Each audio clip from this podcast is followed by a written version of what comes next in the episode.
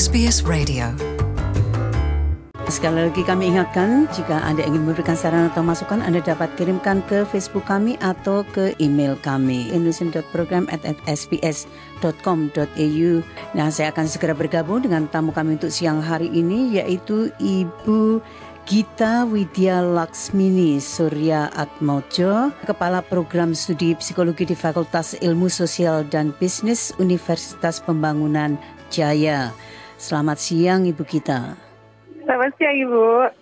Ibu, terima kasih sekali. Iya, sama-sama.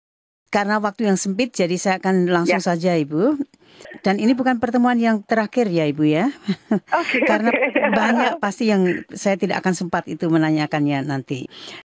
Nah, ya, ya, ya. Ibu, kalau kita mengacu ke musik metal uh, itu orang akan ya. berpikir wah pasti orang akan apa jingkrak-jingkrak ya, ya berlompat-lompat uh, ini dan dar-dar ya. dar ibaratnya kan uh, begitu. Nah, ya. pasti asosiasinya adalah wah ini mem, me, apa membuat orang pusing, Betul. membuat bising dan sebagainya. Ya. Tapi uh, rupanya tidak demikian halnya, Ibu. Iya, jadi kami uh, saya dan rekan saya sama-sama dulu di Universitas Pembangunan Jaya melakukan penelitian yang merupakan gabungan dari psikologi dengan culture studies.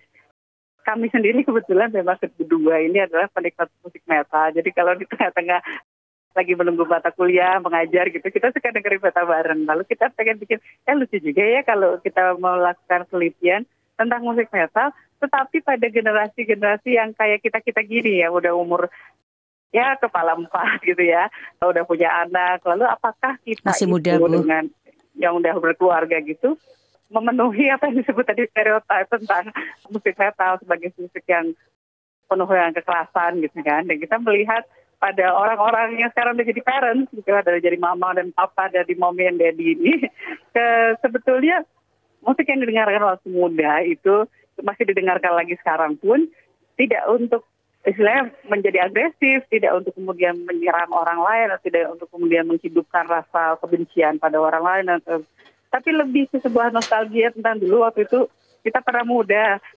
Dan ketika kita muda itu kita masih punya semangat cukup banyak untuk ikut ini dan itu gitu kan.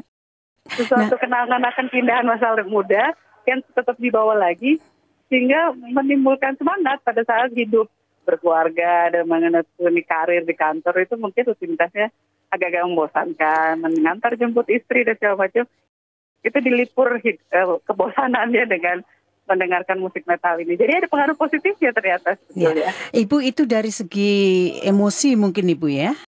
itu mm, atau perasaan. Mm. Nah, itu Journal of Psychology of Popular Media yeah. itu kan juga sudah mm. menyebutkan kan bahwa ini membantu mm. orang bahkan Betul. bahkan dalam menghadapi kematian. Jadi ini ya. faktor yang bagaimana itu Ibu yang yang membantunya itu faktor yang mana ini? Jadi kalau gini, dapat identifikasi. Uh, uh, uh, uh, apa yang kita konsumsi dalam tanda kutip di sini adalah budaya populer itu karena memang tergantung dari bagaimana kita memaknainya. Bisa jadi itu kalau dilihat dari kasat mata itu warnanya hitam-hitam, gambarnya monster-monster, wah tapi pasti ini kekerasan Enggak juga sih, itu kadang-kadang memang tergantung dari mana kita memaknainya itu. Jadi itu be, going beyond dari apa yang secara kasat mata, secara simbolik itu seperti itu. Kalau menghadapi kematian, seperti juga menghadapi apa ya kebosanan hidup, menghadapi tantangan tantangan di karir, ke masalah di keluarga, itu memang ada penelitian yang juga selaras dengan penelitian yang tadi disebut.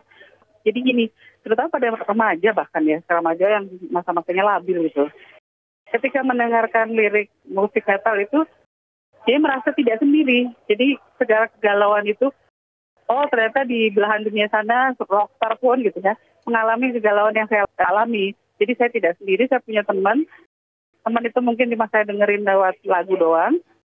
Tetapi itu membuat saya merasa berdaya karena saya merupakan bagian dari sesuatu yang lebih besar. Demikian juga kalau menghadapi kekuatan kematian ini ya karena itu kan tidak ada yang bisa mengendalikan. Nah kekuatan-kekuatan yang dari lirik, dari tenaga uh, energi lagunya, dari power gitarnya, dari sayatan gitu-gitu lah musiknya, Iya. itu bisa mengangkat emosi. Nah, Ibu, ini saya sebagai orang awam ya, Ibu ya. Jadi Hmm. saya bukan apa seorang psikolog. Jadi Hmm. kadang-kadang kan orang itu ini sering juga diungkapkan Hmm. kan Ibu. Orang itu Hmm. walaupun di tengah keramaian pun kadang-kadang bisa saja Hmm. merasa sunyi kan begitu. Betul, Nah, betul. nah ini betul. biasanya orang kan akan ini dibalik sekarang saya balik Ibu. Mm-mm, Biasanya kan orang mm-mm. mencari ini kan mencari kedamaian, mencari ketenangan begitu kan. Nah, padahal suara-suara yang disajikan oleh musik metal itu kan justru Ya. brang brang brang brang. Nah, ini kan Ya. bertolak belakang. Jadi sekali lagi Ya, Ibu, kok bisa bagaimana gitu itu? ya? Akan ada, ada ada satu ini mungkin sangat menarik sangat menggambarkan bagaimana ini sebenarnya bisa didamaikan gitu. Jadi salah satu subjek penelitian kami itu bapak-bapak punya anak kecil dan istri yang harus bolak-balik diantar gitu kan. Dan dia terjebak di dalam kemacetan gitu kan. Dalam perjalanan masih menjemput anaknya satu, maka gitu-gitu antara les dan itu. Eh, di setiap kali di- jebakan kemacetan itu, orang kan stres ya dengan macet di Jakarta apalagi gitu kan.